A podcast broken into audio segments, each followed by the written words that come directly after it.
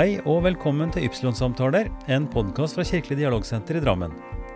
Navnet mitt er Ivar Flaten, og i denne episode nummer 58 snakker jeg med Hilal Kumørtsju.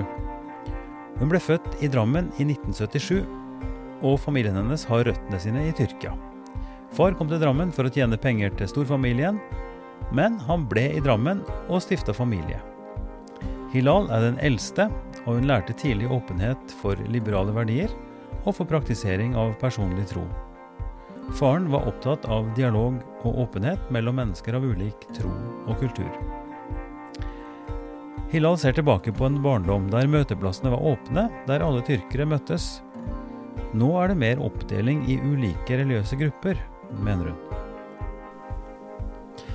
Da er jeg glad for å invitere og ønske velkommen Hilal Kumørtsju. Og navnet ditt indikerer jo at du er ikke, du er ikke norsk sånn av vi si, nasjonal avstamning. og Derfor så lurer jeg også på, når, når du blir tiltalt, er du da norsk-tyrker eller tyrkisk-norsk, eller hva slags, er det noe riktig navn på det? Det funderer jeg på. Selv om jeg har vært her i byen i 100 år snart, så er det alltid der en sånn forlegenhet. Hvordan du er jo drammenser. Ja, jeg sier at jeg er innfødt drammenser. Mm. Jeg ble født på, i 77 ja. i, i, Drammen, så jeg kaller meg for innfødt drammenser, norsk-tyrker. Norsk-tyrker, ja. ja, norsk-tyrker. Det Men dette er en ganske rar ting, eh, ikke sant? Definerer meg. Fordi eh, vi er jo stolte av at her i byen så har vi 150 nasjonaliteter. Altså folk kommer fra overalt i verden. Ja. Og så har vi disse dobbeltetikettene. Altså det er ikke nok å si drammenser, ikke sant. For da kan noen komme og si ja, men hvor er du egentlig fra? Ja. Og du er jo egentlig fra Drammen, men ja. du har også ja, tyrkiske tyrkisk røtter. Opp opphav. Ja, tyrkisk herkomst. Ja. Kan, kan, vil du si noe om det? Altså hvor, eh, hvor, kommer familien din fra? Ja, familien min eh, kommer Eh, fra Konya, akkurat i grensebyen eh, eh, mellom Konya og Antalya, feriebyen Antalya. Flere ja. har sikkert hørt om det. Mm. De kommer fra eh, storbyen der. Eh, ikke, ikke, landsbyen, Nei. men eh, en by. Og den byen heter? Eh, Derebujak heter den. Derebusak. Ja, ja, ja. Mm. Eh, og når jeg har invitert deg hit, Ilan, så er det fordi at vi har jo kjent hverandre en god stund. Ja. Og jeg har lagt merke til arbeidet ditt eh, både i, i DHTL, som jeg sjøl har vært med i mange år, altså Drammen Omvendt Tro Livssynsforum, men også i Buskerud innvandrerråd. Ja. Og nå i det siste, pga. koronautfordringene våre, så har du også markert det ganske tydelig, vil jeg si, i, ja, eh, i avisoppslag. Ja. Uh, kanskje vi skal starte der, egentlig, bare. Ja. Og si noe om uh, hvordan du opplever den situasjonen, og hva er grunnen til at du gikk ut? Du kan si litt mer om det, kanskje? Ja, uh, det har jo vært egentlig veldig ulike ting i starten, da. Det var masse spriket informasjon hvor eh, folk var jo usikre i starten hva som var hva, og, og, hva som var forbud, hva som var påbud, hva mm. som var anbefalt. Og alt i dette, dette jungelen her, så ja, I og med at det er aktive sosiale medier, og når flere eh, prøver å oppsøke informasjon, så eh, har jo innvandrerorganisasjoner eh, gjennom FHI og eh, fra IMDi har eh, mottatt forespørsel om å gå eh, bredt mot innvandrer, mm. innvandrere, for mm. der var jo smitten høyt. Mm. Og da begynte jeg jo å ta eh, del i prosjektene spesifikt. Mm. Eh, også i koronavakten.no. Eh, der er jeg eh, tyrkisk-norsk eh, vakt. Mm. Eh, hva, hva, hva, slags vakt er det snakk om? Altså et nettsted, ikke sant? Ja, det er en nettsted hvor vi skal være tilgjengelig en gang i uka for eventuelle telefonsamtaler. Hvis noen lurer på noe, så skal vi ha oppdatert info om dagens eh, smittesituasjon og dagens regelverk, og hvor vi kan eh, eh, veilede dem til å henvende seg til. Mm. Mm. Ja. Så da er det et utvalg av folk som kan ulike språk, som kan bidra der. ja det, er, eh, det er flere ulike språk der som er representert, ja. Mm. Eh, Og hvordan opplever du den, eh, den innsatsen? Hva er det som skjer på en sånn vakt vanligvis? Eh, nå er den jo ganske nyoppstarta, så eh, sånn eh, telefonvakt har jeg ennå ikke hatt. Den eh, ble vel eh, lansert for to uker siden. Å ja, den er såpass fersk. Så dette er et initiativ fra, Fra fra Buskerud innvandrerråd? Ja, Buskerud innvandrerråd fikk jo eh, koronamidler fra, fra IMDi. Mm. Eh, var et av de mange foreningene som Mm, fikk mm. midler til dette her. Mm. Og da ble det utarbeidet spesifikt eh, plan på hvordan eh, dette skulle gjennomføres.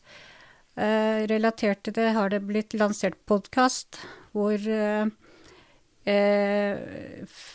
ulike personer fra ulike Sånne ressurspersoner fra ulike miljøer, ulike samfunnssjikter har tatt del i og snakket om, om smitte, om smittesituasjonen. Eh, vi har hatt f.eks. Hege Bakken fra Drammens Tidende, redaktør. Mm. Einar Sageberg eh, prøver å på en måte eh, minske avstanden mellom majoritetssamfunnet og minoritetssamfunnet. Mm. Men, men Hilal, er dette en, en, en følelse, en reell opplevelse at det faktisk er en sånn At det er et skille mellom det som vi kaller majoritet- og minoritetssamfunnene? Eh? Du, er, du er født og oppvokst i Drammen, du er, Ja. du er en del av Drammensamfunnet. Men du har en sterk tilknytning også i Vi skal snakke mer om det seinere, om Ja. trossamfunnet og sånn. Men, men, men er det sånn at koronaen også har blitt en slags forstørrelsesglass på disse forskjellene? Altså hvordan informasjon flyter, hvordan folk takler dette.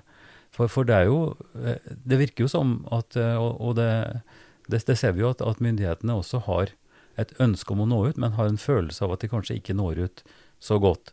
Sjøl om det så klart også er samme problemet overfor majoritetsbefolkning, at det er noen som ikke vil høre, og vi ser jo smitteutbrudd altså av fornektere osv. Ja. Men, men du, du er enig i at det ligger et dilemma her? At dette er noe, en, en type informasjonskløft eller en, eh, et, et problem som må tettes igjen? Ja, eh, det har jo vært utfordringer eh, med å nå ut i ulike miljøer, men hva de utfordringene ligger i, om det er sosioøkonomiske årsaker, eh, om det er eh, bosted, eh, store familier, eh, eksempel eh, eh, Oslo er jo den største innvandrerbyen. Mm. Og Drammen er, er nest størst som har innvandrere. Eh, innvandrere stort sett eh, bor jo eh, eh, homogent, da. Mm. Eh, tett? bor tett i blokker, Mm. eksempel. Eh, I den blokken jeg bor i, det er en høyblokk, og der fant jeg ut at det er 144 leiligheter. Og plutselig kan det jo utgjøre eksempel ja, flere hundre personer, opptil 1000 kanskje. Det er jo ulike innganger og alt det der, men når jeg, når jeg tenker på eh, 144 leiligheter og 144 eneboliger som ikke har kontakt med hverandre, Mm. og så er det jo sånne fellesarealer, og eksempel skal man ta heisen opp til niende niende etasje, alt fra første til, til niende etasje, og så er det sånn, noe som heter fellesvaskerier, barn Mm. som leker sammen ute. Eh, Alt det som i utgangspunktet er positivt. ja, på en nor- måte og i har normal, blitt I, i normaltilstand er faktisk en Ja. veldig fin ressurs, at Ja. man kommer tett sammen. ja, den ressursen nå- har nå- blitt en det- utfordring, ja. Nå er det blitt det. Dessverre. Ja, De, dessverre. Så uh, jeg tror uh, en del av utfordringene ligger der. Og så er det jo flere storfamilier, eh, ulike innvandrermiljøer eh, som bor sammen. Alt fra besteforeldre, eh, kanskje tanter og onkler. eh, eh, og da, eh, da blir det jo eh, veldig lett å smitte andre. Og så kan man jo være smittet uten å, å ha noe eh, aktive symptomer, da. Så plutselig er det en fem eller ti stykker i den husstanden, Mm. så, så kan de være smittet. Det er jo Og så bor de jo, jo tett, så man kan ikke bare si 'gå til rommet ditt og lås deg inne i ti dager'.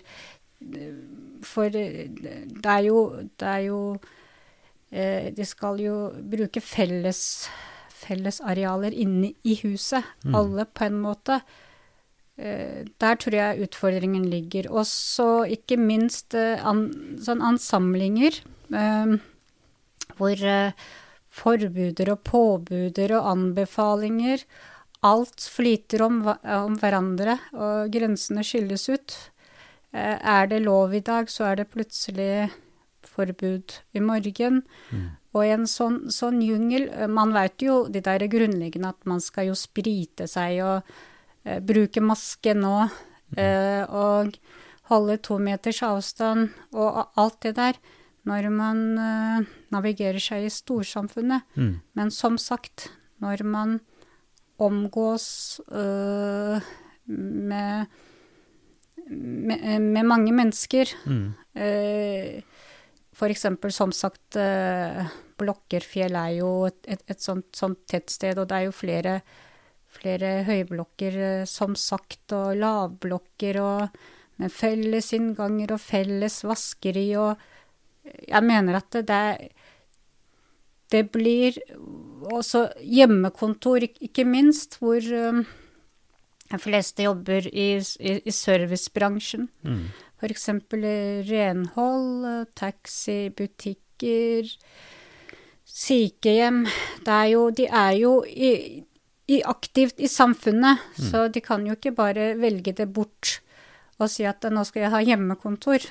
Vi var inne på, på den problemstillinga i en tidligere samtale. Margaret Ikke Margaret, jo, Margaret Etokebe, som eh, er leder på et, et sykehjem, Ja. og som opplevde Og det var, det var en del innlegg i avisen og sånn som antyda at, eh, at innvandrere da var mer uforsiktige eller ikke tok ordentlig hensyn til dette osv., og, så videre, og der hun fra sin side som leder da oppfatta det som opplevde det i praksis veldig veldig komplisert, fordi at mange av de da, som da jobba hos henne, som tilhører denne kategorien som vi snakker om, eh, ringte og sa at de, de turte ikke komme, for de var usikre på hvordan dette ville være. Ikke sant? At de ville heller sykmelde seg eller holde seg vekk.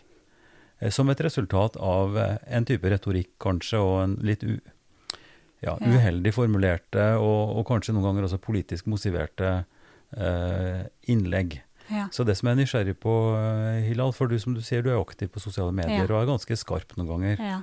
Det er jeg. Um, men hvis du, hvis du bare skal snakke noe helt sånn konkret personlig, Mhm. i den grad du vil snakke om Ja. det, hvordan dette oppleves i blokka hos deg, hva slags, hva slags tiltak, hvordan, hvordan prøver du å som, som et ansvarlig Ja. menneske, og med det ansvaret som du har, hvordan tenker du at dere kan eh, tilrettelegge for barna deres, osv.? Ja, eh, jeg sier til dem eh, at de skal holde holde de grunnleggende smittevernrådene, smittevernsrådene, da. Mm. Eh, jeg vet at eh, i skolen, eh, klassen, lærere, de gjør en veldig detaljert og formiddelbar, formiddelbar mm, eh, innsats. Eh, eh, så de har jo levd med dette her i litt over ett år, og de har fått dette her eh, automatisert. Mm.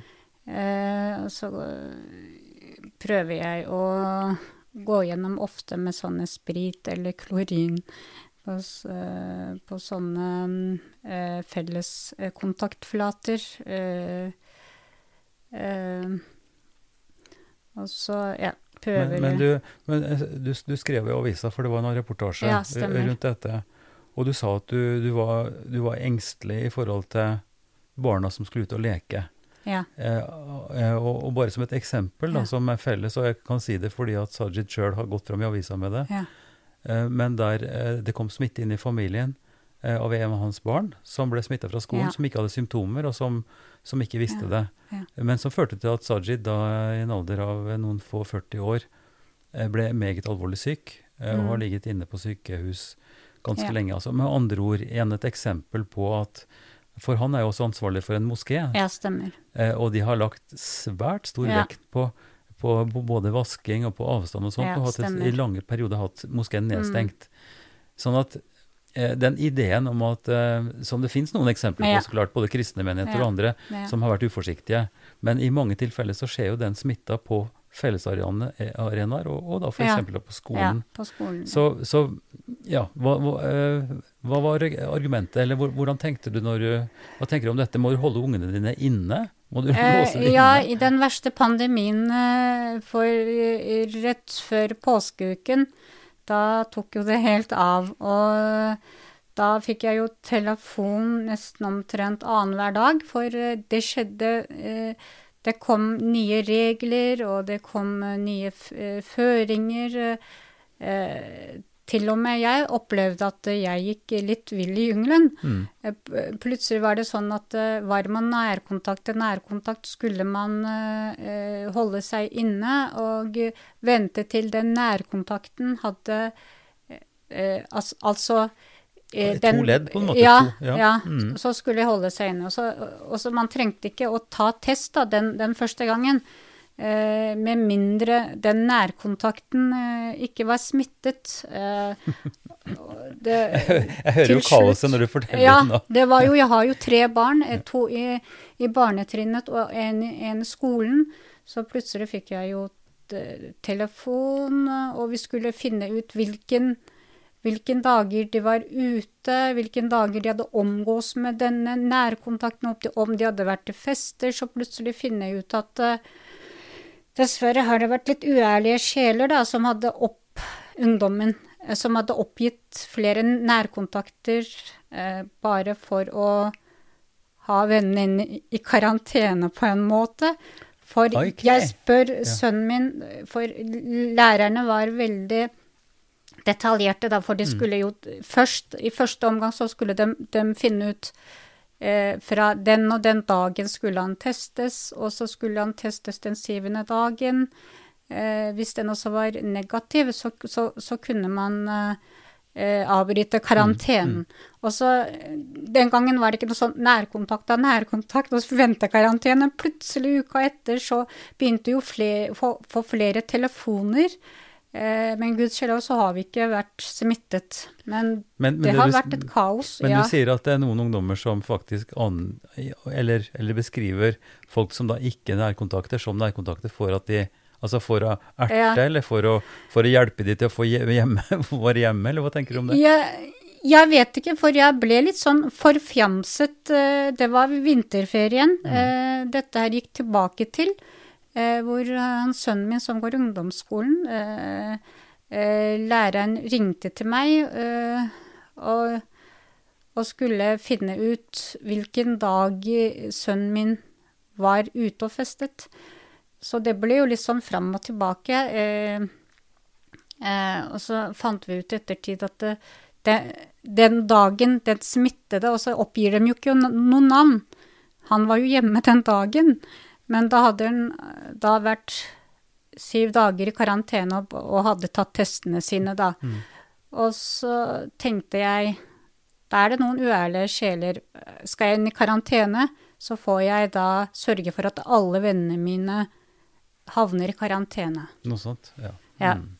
Det er i hvert fall eh, min erfaring med det. Men Men, det er- men det jo jeg også- vet ikke om det er utbredt, da. Nei, men vi ser jo nå, eh, mens vi snakker her i dag, eh, Ja. så er det nyheter om eh, oppå Gran, et miljø av såkalte eh, koronafornektere. Ja. Som eh, konspiratoriske folk som ikke tror på dette her, og som, som har blitt syke, og som også Ja. har dødd, noen av de. Ja. Men hvor de ikke vil si hvem som er nærkontakter. Og dette er jo noe som vi har Ja. opplevd. Dette gjelder både voksne og barn. Altså det er en slags grunnleggende skepsis til myndighetene og en grunnleggende eh, skal vi si, eh, tvil, da, mist, mistillit. Eh, og dette er kanskje noe som, eh, som jeg tenker er et tema hvis vi nå går litt bort fra Vi kan ikke snakke hele altså Vi har Nei. snakka så mye om den der. Koronaen at det blir, vi Mhm. blir helt svimle av det. Men, men det du forteller, viser jo noe av dilemmaene. ja. Hvor Det er komplisert dette er, og hvor, eh, hvor vanskelig det er. Og at vi står oppi noe som vi ikke som vi ikke eh, har vært borti før på samme måten, ja. og som vi forhåpentligvis også kan lære noe av. Og jeg Ja. tenker jo, eh, fra min synsvinkel, så, så har det kanskje forstørra også behovet for, for tillit og kontakt og samhandling Ja, imellom eh, både offentlige instanser, men også imellom de ulike grupperingene. Ja, stemmer. Ikke sant? Mhm. Eh, og hvordan vi gjør det, det er jo du opptatt av gjennom eh, Ja. minoritetsarbeidet. Ikke sant? I Gjennom Buskerud prosjekter, ja. og DHTL, og vi har gjort ja. på mange Prøver vis. ja. Men hvis vi, hvis vi nå bare ulike foreninger og trossamfunn. Men hvis vi nå, nå kjenner jo min egen menighet best, ikke sant? som prest i Fjell kirke, og vi vet hva vi gjør. Og vi prøver å vi, vi, vi gjør ting på nettet og så videre og så videre. Eh, Men vi holder jo fast i at det fellesskapet er viktig. altså Vi samler jo folk til gudstjenester og til fellesskap. ja. Og, og det er på en måte den virksomheten den har. Og, Mhm. og tilsvarende vil jo du også i, i den, det tyrkiske trossamfunnet Ja. i, i Rømmersgata ja, eh, samle folk til fredagsbønn og til aktiviteter, til opplæring osv. Mhm. Men hvordan har den perioden vært for, for dere? Ja, eh, moskeen har jo vært eh, nedstengt eh, i, i lengre perioder, eh, hvor lederen Mustafa Gezen har vært veldig, veldig eh, opptatt med dette her, med, med smittevern. Eh, han har også gått gjennom ulike kanaler til moskeens og trossamfunnets medlemmer, eh, og har oppdatert dem også mm. med, med koronaråd og hvordan restriksjonen er i, for, i forhold til å samles og be og, og sånt. Eh, så jeg er i, i en sånn eh, miljø hvor eh, vi når ut til flere eh, kanaler, eh, om det er, seg- om det er eh, foreninger eller tr- trossamfunn. Mm. Eh, folk har jo go godtatt dette her i vår, eh, i vår trossamfunn, Mm. så det har ikke vært de største Men hva, hva hadde det betydd for, eh, for virksomheten? Hadde det vært, måtte vært nedstengt? I Eh, store deler av året, ja. mm. Så den, den tilhørigheten, den har nok det, det er sånne eh, grupper i, i, i WhatsApp, med medlemmene. Mm. Så der eh, holder man kontakten, da. Mm. Eh, så det er ikke en sånn veldig sånn, sånn kjempestor miljø heller, da. Eh, hvor man kan lett nå ut til sine medlemmer. For det er jo på en måte to Ja. nivåer her, vil jeg forestille meg. Det ene er jo Ja. ledelsen og, og de som står for driften av, Ja. av moskeen, og de tetteste rundt det. Ja. Jeg har jo en, eh, en nydelig fortelling eh, som jeg har lyst til å se nå, eh, som viser noe av hvor, hvor sterkt dette fellesskapet er. Men, Ja. men eh, på et tidspunkt så, så fikk jeg en bestilling fra en kollega av meg som er, syk, som er fengselsprest. Mm. Eh, og der er det jo mange muslimer som så klart eh, også ja. sitter i, i fengsel. Ja. Ja, mange, altså ikke flere enn andre, men i hvert fall så er det noen der. Mhm. Og da var behovet å få noen bønnetepper. ja. Og da gikk jeg ut med en sånn bare forsiktig forespørsel om det var mulig å, å kunne få låne noen tepper. Mhm. Og resultatet var jo at jeg fikk jo svært mange vakre tepper Mm. som, som mennesker i, i, i den eh, menigheten, i den, Ja. den moskeen, Mhm. hadde funnet fram til, samla sammen og ville gi til meg, slik at jeg kunne eh, Ja. gi det videre. Så det er en veldig motivasjon, en veldig positiv innstilling, og, og Mhm. moskeen deres har også vært veldig aktiv i, ja. i dialogarbeidet. Og det er jo absolutt. både Mustafa som nevner, og du sitter jo og Mhm. sitter i styret. Ja. Eh, og, og derfor så er det interessant også å, å kanskje si noe om fra din synsvinkel om, om, om den motivasjonen som ligger i nettopp det å, å bygge tilhørighet til troen og til fellesskapet. Og, og deres moské har jo også veldig sterke røtter Ja. tilbake til Tyrkia. ikke sant? Det er Ja. nesten som jeg kommer til en norsk sjømannskirke. Ja. Du ser, Det er ikke bilde av kongen, men det er bilde av Mustafa Kemal. Atatürk. Eh, og flagget er der, og, og den, den, den eh, eh, skal vi si, relasjonen som er til Dianet, ja, til, Dianet, til, til, til systemet der. Så hvordan vil du si at, at menigheten, at moskeen fungerer som en, som en slags identitetsmarkør eller et fellesskap for mennesker som da har røttene sine i Tyrkia? Kan du ikke si litt om det?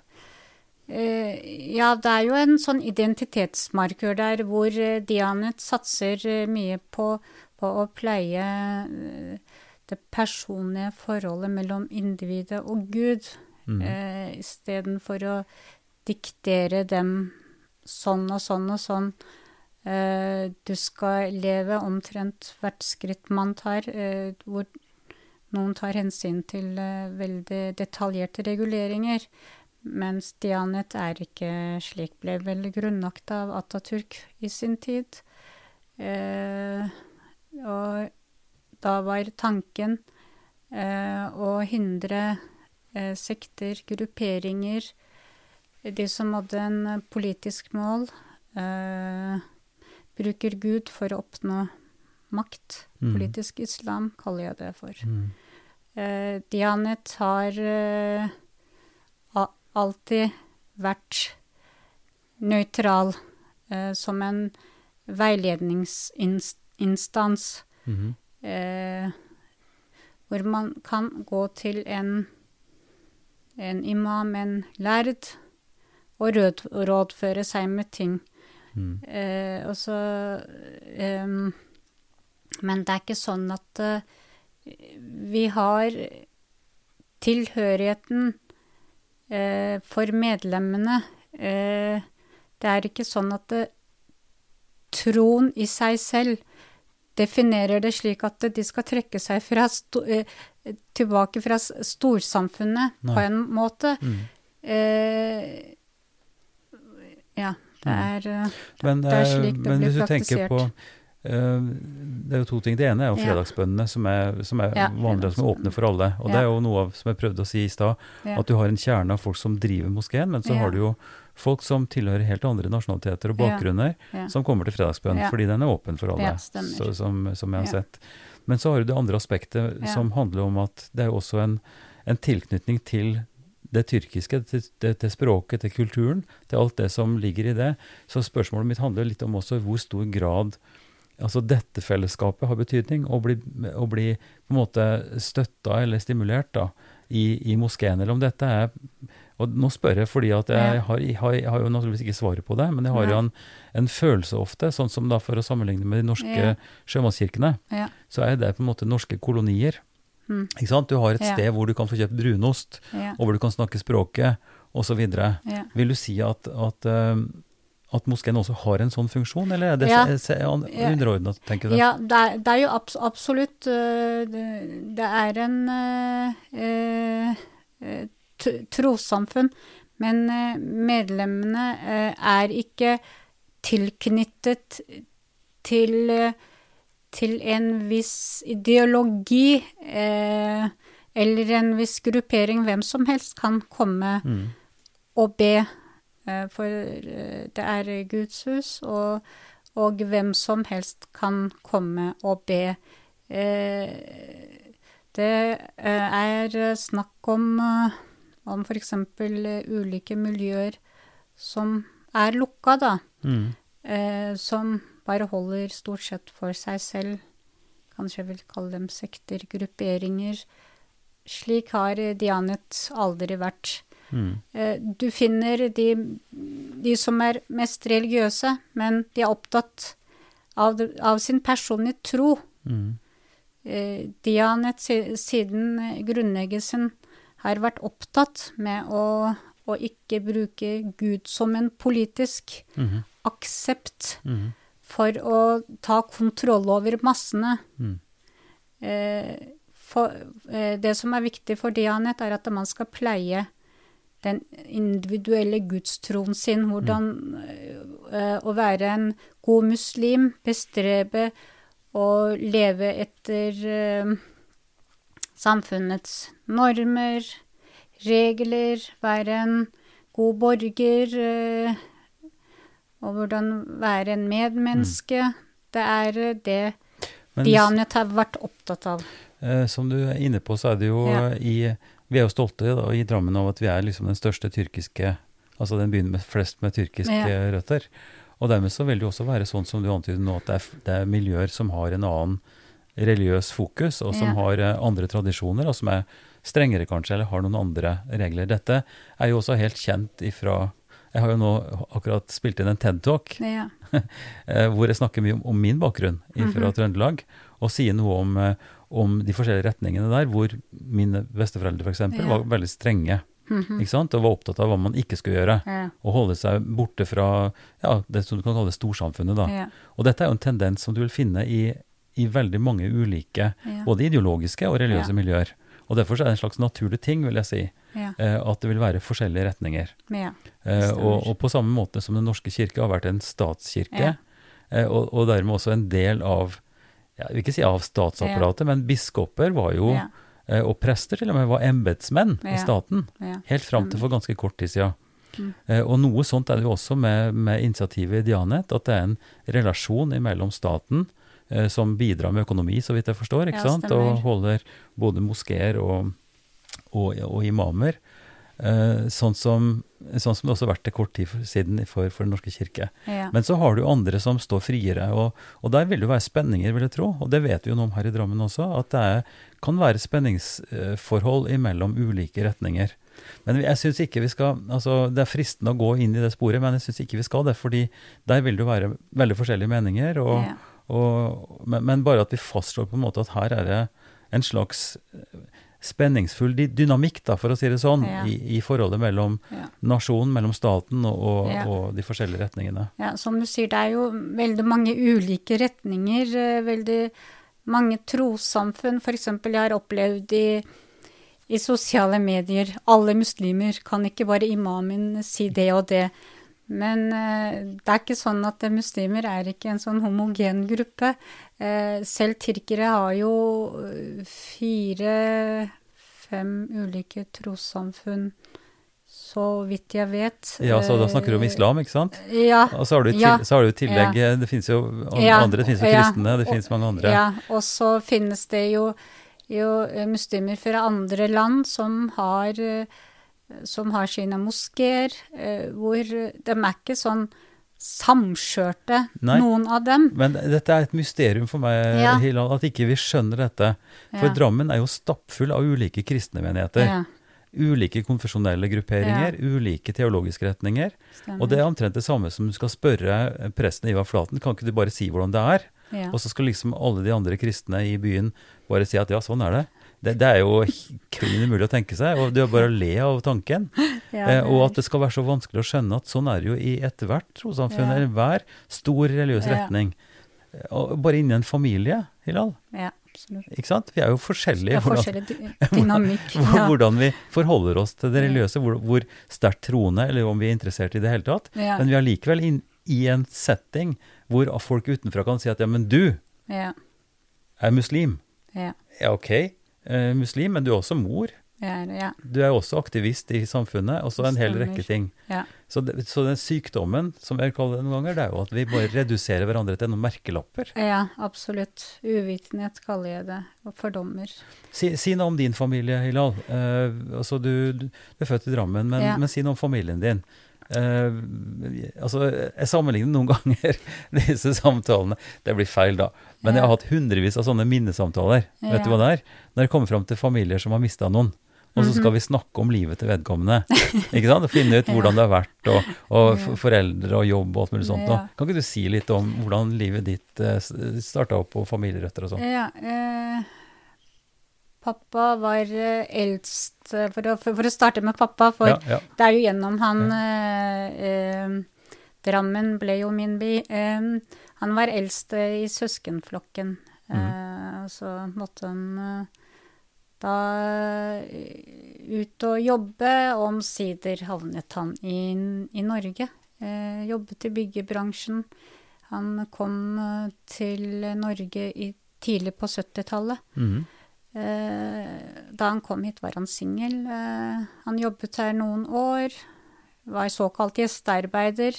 Skulle vel jobbe her noen år. eh, Hjelpe storfamilien i Tyrkia med å forsørge dem. Han hadde brødre som, som tok utdanning, og utdanning i Tyrkia er, er dyrt. Og han skulle sørge for at eh, noen av dem skulle også Mhm. ta den utdanningen. Og, og noen av brødrene hans ettertid reiste seg ut til Europa, de også. Mm. Um, så giftet han seg vel med mamma, og hun kom hit i familiegjenforening i 76. Mm. 77 ble jeg født. Mm. Uh, Du er eldst i familien? ja, jeg er eldst i familien. Eh, jeg har to søsken, to brødre. Eh, jeg eh, har definert meg ut fra, fra ulike identitetsmarkører. For Mm.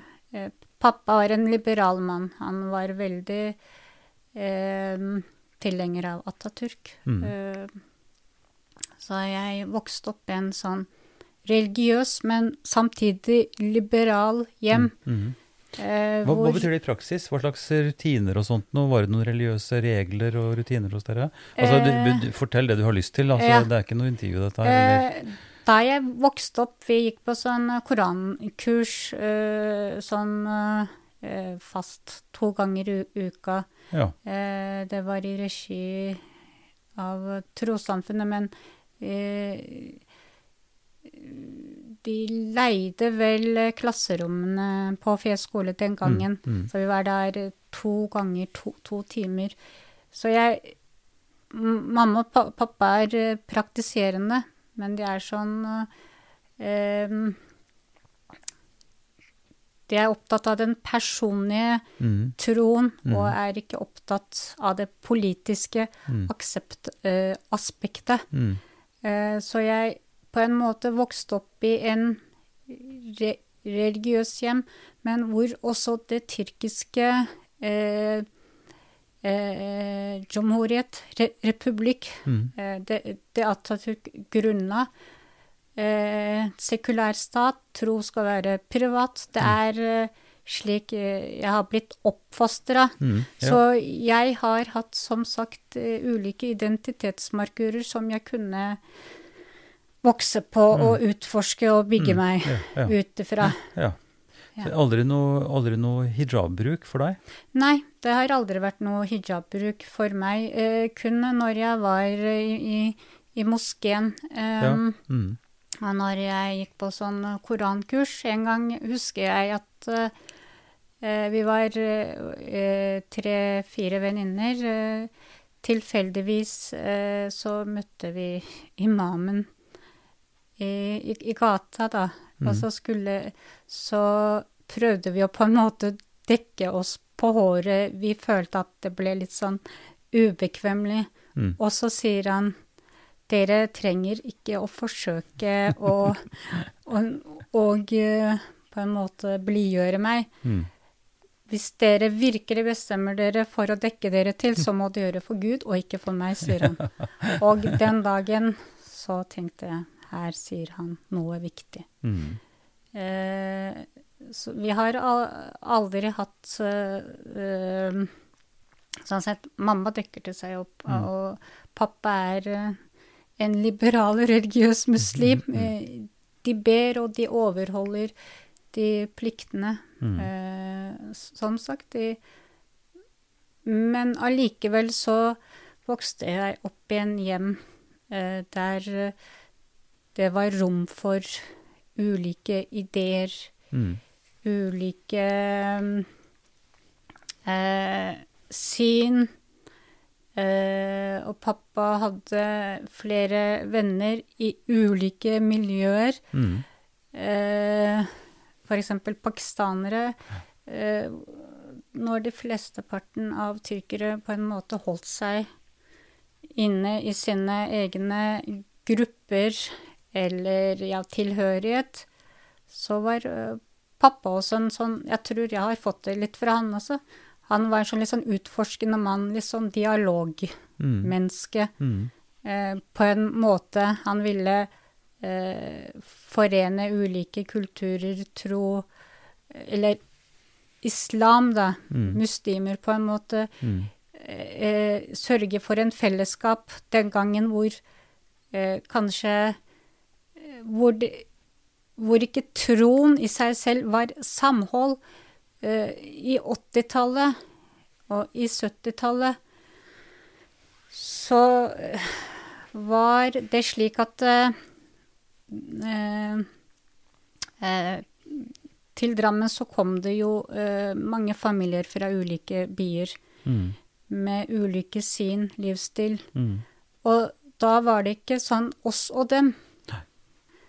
Eh, alle besøkte hverandre.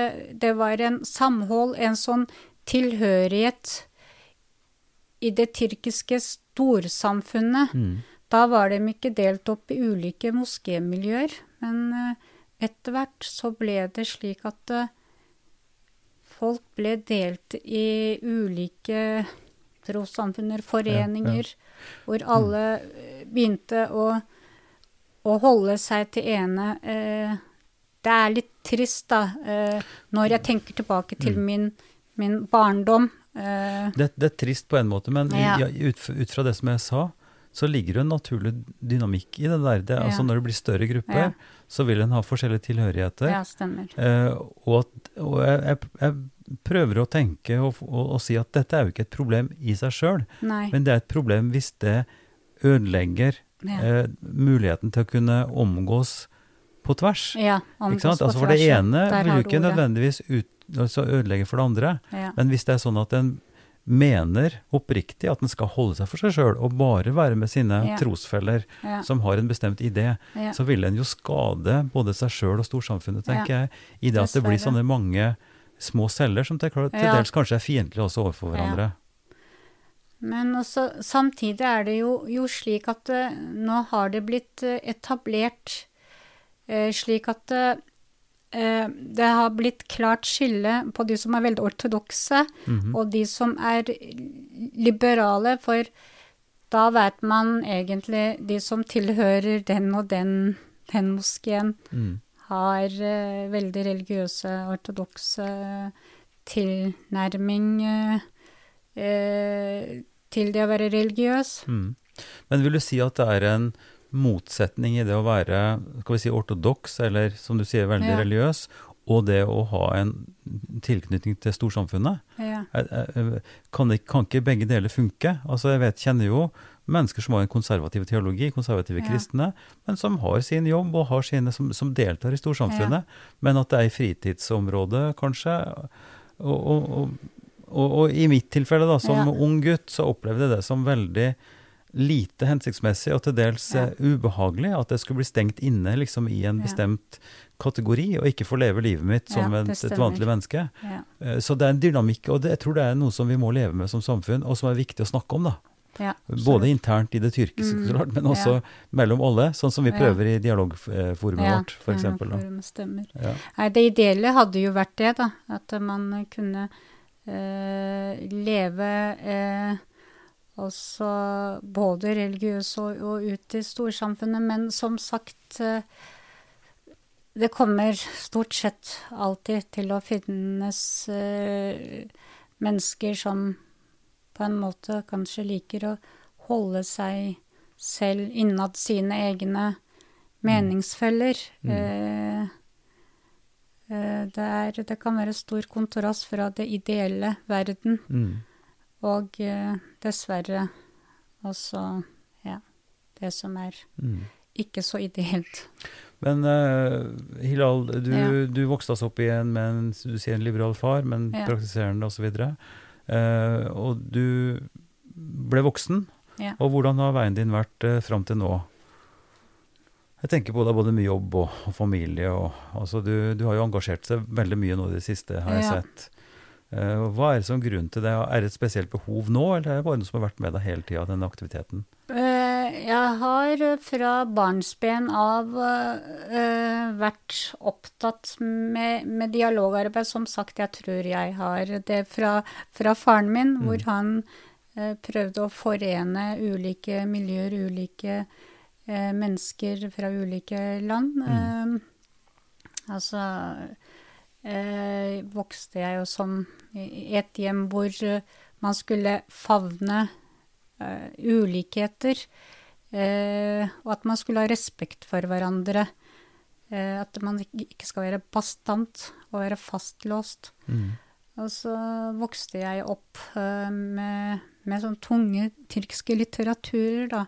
Jaha. Eh, og For der eksempel, også- si, hva slags litteratur? ja, det var eh, f.eks. for eksempel eh, Atatürks liv og det han gjennomførte, reformene. Så de bøkene sto i hylla hjemme hos deg? Ja, ja. de, Mm. de, de bøkene sto i, i, i hylla hos oss. Så jeg hadde tidlig på en måte Jeg ble fort voksen. Mhm. Eh, Leste du Yashar Kamal? ja, Yashar Kamal leste jeg, ja. Det er også spennende bøker jeg har Ja, lest som det- handler om denne Kanskje også denne motsetningen Ja. mellom det tradisjonelt tunge, Ja. religiøse, konservative og, og, og, og det mer liberale, åpne. Mm. Og, eh, så var det jo eh, Leste jeg også bøker som var skrevet av kvinnelige forfattere. Mm. Uh, Halide Depadewar. Uh, uh, de fleste som kom til Norge den gangen, kom jo fra et, et lite jordbrukssamfunn hvor mm. det viktigste var å overleve og eh, på en måte dagen, da. Mm. Mens eh, eh, jeg opplevde tidlig eh, Det var en naturlig del av, eh, av oppveksten min at eh, vi hadde tilgang til, til de litteraturene. Men pappa har aldri vært sånn som på en måte tredde ting over hodet på oss, for han leste mye. Mm. Og naturligvis så, Han inspirerte antagelig? Ja, han inspirerte veldig. Det er noe som heter at eplet faller ikke langt fra Ja. treet, og det, eller fra stammen. Han, ja. han var veldig, veldig oppdatert, eh, eh, i hvert fall på det tyrkiske, da, hurriyet. Mm. eh, jeg husker at eh, det var én eller to steder som solgte Hurriet den gangen. Den Narvesen i Bragernes. Hurriet er avisen, ikke sant? Avisen, ja. Et av de største avisene. Eh, liberal avis, vil jeg kalle det. Eh, det var eh, Hver dag så skulle vi gå og kjøpe den, eh, og så skulle vi, vi lese. Pappa var veldig, veldig opptatt av å holde seg oppdatert. Eh, Og du også måtte lese tyrkisk, da? Ja, jeg var vel fem år da jeg leste uh, tyrkiske aviser sammen med pappa i Drammensbiblioteket, eh, der det er Skatteetaten nå. Ja, gamle eh, den, den Mm. gamle biblioteket. Jeg var sammen med, med, med pappa, jeg var vel en fem, fem år. Uh, jeg husker en episode hvor pappa leser avisen. Der, eh, før var det jo en sånn sosialiseringsarena Ja, mm. hvor eh, Og fremdeles, vil jeg si. I biblioteket ja, fungerer men, sånn. men den gangen, eh, da ikke de religiøse hadde tatt over, eh, eller eh, religion i, større grad enn i dag, så husker jeg veldig godt at eh, biblioteket og torget var en sånn samlingsplass eh, hvor mange eh, forskjellige tyrkere Mm. samles. Eh, men pappa brukte flittig biblioteket. Mm. Altså husker jeg en gang at han leser den avisen, og så han holder avisen eh, eh, Han åpner avisen mens jeg leser eh, forsiden, da. Og der står det om en eh, en eh, sanger da, som hadde fått en sånn eh, gullplate for sin arbeid. Mm. Og så satt det en mann ovenfor pappa, og jeg, og jeg eh, eh, kjenner han. Han var tyrkisklærer som jobbet i, i, i et av skolene. Mm. Og så sier han eh, Hvilken klasse går hun i? Pappa sier hun er bare fem år. Så sier han oi, kan hun lese? Eh, han ble helt, helt satt ut. Jeg, jeg, jeg skjønte ikke på en måte hva var det han reagerte på. Fra, fra fem år så, så har jeg på en måte Jeg har definert, definert meg som uh, litt sånn verdensborger, egentlig. Mm. Jeg har uh, hatt sånne ulike identitetsmarkører Mm. Og lært tidlig å navigere innenfor ulike miljøer og sinn. For du, du har en, den tyrkiske bevisstheten. Du leser Ja. tyrkisk, kumørighet, faren, det Ja. liberale, også det religiøse. Ja. Hvilke andre identiteter, Hilal, vil du si? Jeg er veldig opptatt av rettferdighet. Og eh, også opp opplysningsarbeid, da. Eh, eh, det er nå i det siste jeg har blitt eh, sånn aktiv i, i, for, i foreningen f.eks. For Buskerud innvandrerråd, også DHTL, Drammen Omeggen tros- og livssynsforum. Men eh, jeg har eh, lenge, lenge før det eh, har vært på en måte aktivist Mm. i, i min egen lille verden Jeg skulle forklare folk ting, eh, opplyse om ting, Mm. eh, fjerne misforståelser. Eh, ja, sånn dialogarbeid. Og Mm. dialog har alltid vært nøkkelen for meg. Mm. Og eh, omsider så eh, fikk jeg kjennskap til deg og Bijan. Dere var jo de dialogmenneskene, de omsorgsmenneskene som omfavna alle. Og der så jeg en sånn farsfigur hos dere, og jeg ble veldig fascinert av, av dere. For eh, dere gjorde eh, veldig verdifull tjeneste, frivillig tjeneste for samfunnet. For i en sånn tid der polarisering dessverre tar overhånd og eh, splitter eh, mennesker, eh, oss og dem, Mm. så var dere der med, opptatt med dialogarbeid. Eh, omsider og tilfeldigheter har gjort at jeg har da havnet i Mm. disse to miljøene. Mm. Uh, jeg har blitt nærmest headhunta på en måte, Mm. da. Uh, og da, Mm. da følte jeg at jeg kom. Ja, til- nei, det, er- det Ja. er veldig g- hyggelige, gode, varme ord du Ja. sier, og det takker jeg for. Eh, og det handler vel om det, om, om engasjement og vise ja. eh, Prøve så godt vi kan å vise Ja. at vi kan faktisk leve sammen. Og stå opp for andre mennesker. Ja, stå opp for andre, men også stå Mm. opp for altså, at, vi, at vi har lov til å være ulike òg. Ja, At vi, at vi kan ha sterke identiteter, både religiøst og kulturelt, språklig, men allikevel ha en, lave skuldre, da, eller kunne på en måte være i- imøtekommende overfor hverandre.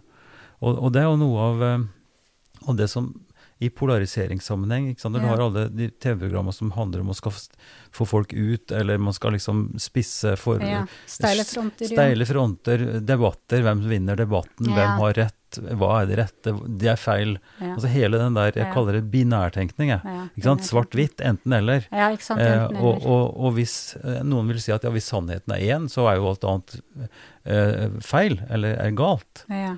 Eh, men altså, jeg vil si når, når jeg f.eks. er veldig glad i kona mi og vil kunne si at hun er den beste kona i verden, så betyr jo ikke det at jeg, at jeg ser ned på alle andre koner. Nei. Eh, altså det det fins noen sannheter Ja. som er universelle, på den Det måten at det fins ja, Mm. kan, det kan være mange ting er sant, Mm. og det, det gjelder jo både kunst, og det gjelder også religion, tenker jeg, i Ja. stor grad. Altså gudsfrykt, eh, kjærlighet til mennesker osv. Alt det som, det som vi kan si er religiøse, ten- eh, religiøse både tanker og følelser, at det har noe med dette rare, store begrepet sannhet og kjærlighet og fellesskap å Ja. Og at det er veldig vanskelig når det skal låses inne i veldig trange rom, og si Ja. at det ene er rett, og det andre Ja. er feil. Ja, Eh, men her må man ha to, hoder i, to tanker Ja, i hodet samtidig. Så jeg kan altså stå og være prest og forkynne evangeliet for de som er kristne og vil gjerne at Ja. andre skal høre det. ja. Men det betyr jo ikke at jeg ikke også vil støtte moskeen og tempelet Ja. og, og andre som gjør det samme. Så lenge vi, Ja. vi er sammen om det felles samfunnet å bygge Ja. opp. Og At det det man handler har, om. Det er Altså det det fellesnevnere. Det er, mm. det er veldig eh, viktig også å fokusere på det. Eh, Innerst inne er vi jo mennesker. eh, Og det er eh, som sagt eh, veldig viktig med dialog, også å anerkjenne hverandre. Eh, Som jeg leste en gang i innlegget ditt. eh, eh, Jeg ser deg, jeg hører deg, jeg lytter deg. Eh, Det er eh, eh, uvitende, tror jeg, at man gjør at man blir veldig bastant på sine egne meninger.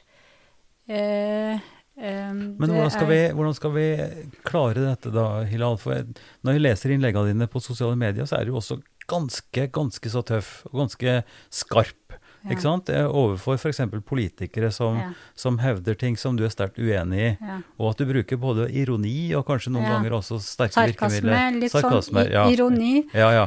Ikke sant? Eh. Og, at, og, og jeg forstår jo det, men, men samtidig er det noe også med at vi eh, og, og vi er kanskje heldige i Norge også som har politiske partier over en ganske stort spekter, Ja. hvor det er lov å si ting, og hvor det er Ja. absolutt innafor, og hvor man kan Ja. være rivende uenige. Ja, Men, og det gjelder også religiøst. Man kan Ja. være svært uenige det med det du kaller sekter, eller folk som er veldig smale. Mm. Men det er jo livsviktig at vi faktisk kan snakke sammen. Ja. Også, også med de uten å stenge de ute, ikke sant? ja, absolutt. Så- så det er et sånt og dilemma vi har. Jo, eh, de som jo søker kontakt, og de som vil ha, ha den dialogarbeidet, de finner jo, jo hverandre til slutt, da. Men også finnes det jo de som vil bare holde seg, øh, holde seg i sin egen lille verden. Om det være seg en forening, en religiøs tilhørighet. Det kommer alltid til å finnes øh, sånne individer. Mm. Det får vi ikke gjort med. Men de som rekker ut hånden og sier at eh, ja, her kan vi eh, berike hverandre, eh, vi kan føre dialog, og de som ser at ulikhet kan være en ressurs, de finner til hverandre til slutt uansett, mener jeg, og det er det jeg har erfart. Mm. Vi er nå på vei inn i en stor høytidsperiode. Ja, Ramadan begynner i morgen, ja. Ja. Så når denne eh, episoden skal slippes, så er vi godt ute i ramadan, for den, den kommer først til neste uke. Mhm. Eh, på hvilken måte kan ramadan være med å berike eh, denne dialogen, tenker du? Og hva slags eh, problemstillinger har dere nå i korona-ramadan? Ja, øh, det at øh, den øh, fellesskapet på en måte Ramadan har jo en religiøs høytid, akkurat som, som julen, der hvor fellesskapet og troen definerer hele høytiden, måneden. Og, og nå som det er koronarestriksjoner, så får ikke folk møtt hverandre i moskeen. Eh, altså eh, Det faller jo bort, akkurat sånn som eh, eh, de fleste eh, julefeiringene og forberedelsene og de store samlingene falt bort, dessverre. Eh, eh, ja, det blir en sånn trist, da, sånn, sånn sett. Ellers er det jo en fin måned eh, hvor man kan eh, fokusere seg på det indre, indre, være en medmenneske, tenke på de som har eh, lite fra før, og pleie sin relasjon mellom seg selv og Gud, reflekteringer. Ja, det er en sånn måned for, for sånn ettertanke. Mm. Men det er også i stor grad, sånn som jeg oppfatter, oppfatter uh, muslimske venner også, en, en ut, utadvendt res, ressurs i det. Altså det Ja. at man søker sammen rundt iftarmåltidet Ja. uh, etter fasten. Uh, at man er opptatt av andre. Og, og i kirka nå i, i ja, både i påsketida og før det, så har vi jo også måttet ha tenkt, og i, i Fjell menighet så har det vært en stor oppmerksomhet rundt det å ringe rundt, rett og slett. Fordele ansvar, altså ringe, ringe til folk som kanskje ikke har så mange rundt seg. Og som, Ja. Altså at det, det fins metoder da, hvor en kan ivareta Ja, både, ivareta, ja. Mm -hmm. både, både høytiden sånn som den er bestemt, med fasen i dette tilfellet, og, Ja. og, og iftarmiddagene, men også omsorgen for de som ja, er utenfor på en eller annen måte. da. Ja, det er jo veldig eh, Altså en veldig omsorgsfull måned, kall, kaller jeg det for. Eh, hvor eh, hele måneden da eh, Før pandemien eh, handlet om, om et fellesskap, et sånn indre ro. Eh, det å, å dele med de som har lite, og omtanke. Eh, og bry seg om, om nestemann. Mm, mm. Ja, det er, det er en fin måned, men mye av det faller bort i, i år. Og vel er- i deler av fjor falt det Det er vel ikke sannsynlig at vi klarer å få noe særlig id-feiring heller, før 17. mai. Ja. Det blir jo vel 12. 12. mai Mm. eh, begynner eh, Eid. Mm. Og det faller sammen med, med hele, hele dager her Mm. i, Mm. i Norge også. Eh, ja, vi får se hvordan det, det blir. Om det blir eh, enda mer restriksjoner, eller om man kan samles. Ja. eh, Vi får håpe og krysse fingre. Det er så mye som skal skje. Nå, nå pakker det hvert fall seg i små kohorter. Ja, vi får se. Vi får se. Men uh, Hilal, tusen takk for at du ville komme, og takk for en veldig fin samtale. Og lykke Bare til med det viktige arbeidet ditt. Tusen takk skal du ha. Det var en ære å delta. Tusen takk for at du lyttet til Ypsilon-samtalene. Mer informasjon om eh, samtalene og hva vi holder på med, det finner du på ypsilonsamtaler.no. Der er det en kort presentasjon av samtalepartnerne og lenke til episodene. Det er veldig fint om du abonnerer på Ypsilon-samtaler i podkastappen din, og anbefaler oss gjerne til vennene dine. Vi er veldig glad for tilbakemelding og forslag som du kan sende til, til meg til Ivar krøllalfa kirkeligdialogsenter.no. Denne podkasten er støtta av Drammen kommune, Barne- og familiedepartementet og Einar Juels legat. Ansvarlig utgiver er Kirkelig dialogsenter i Drammen ved daglig leder Ivar Flaten.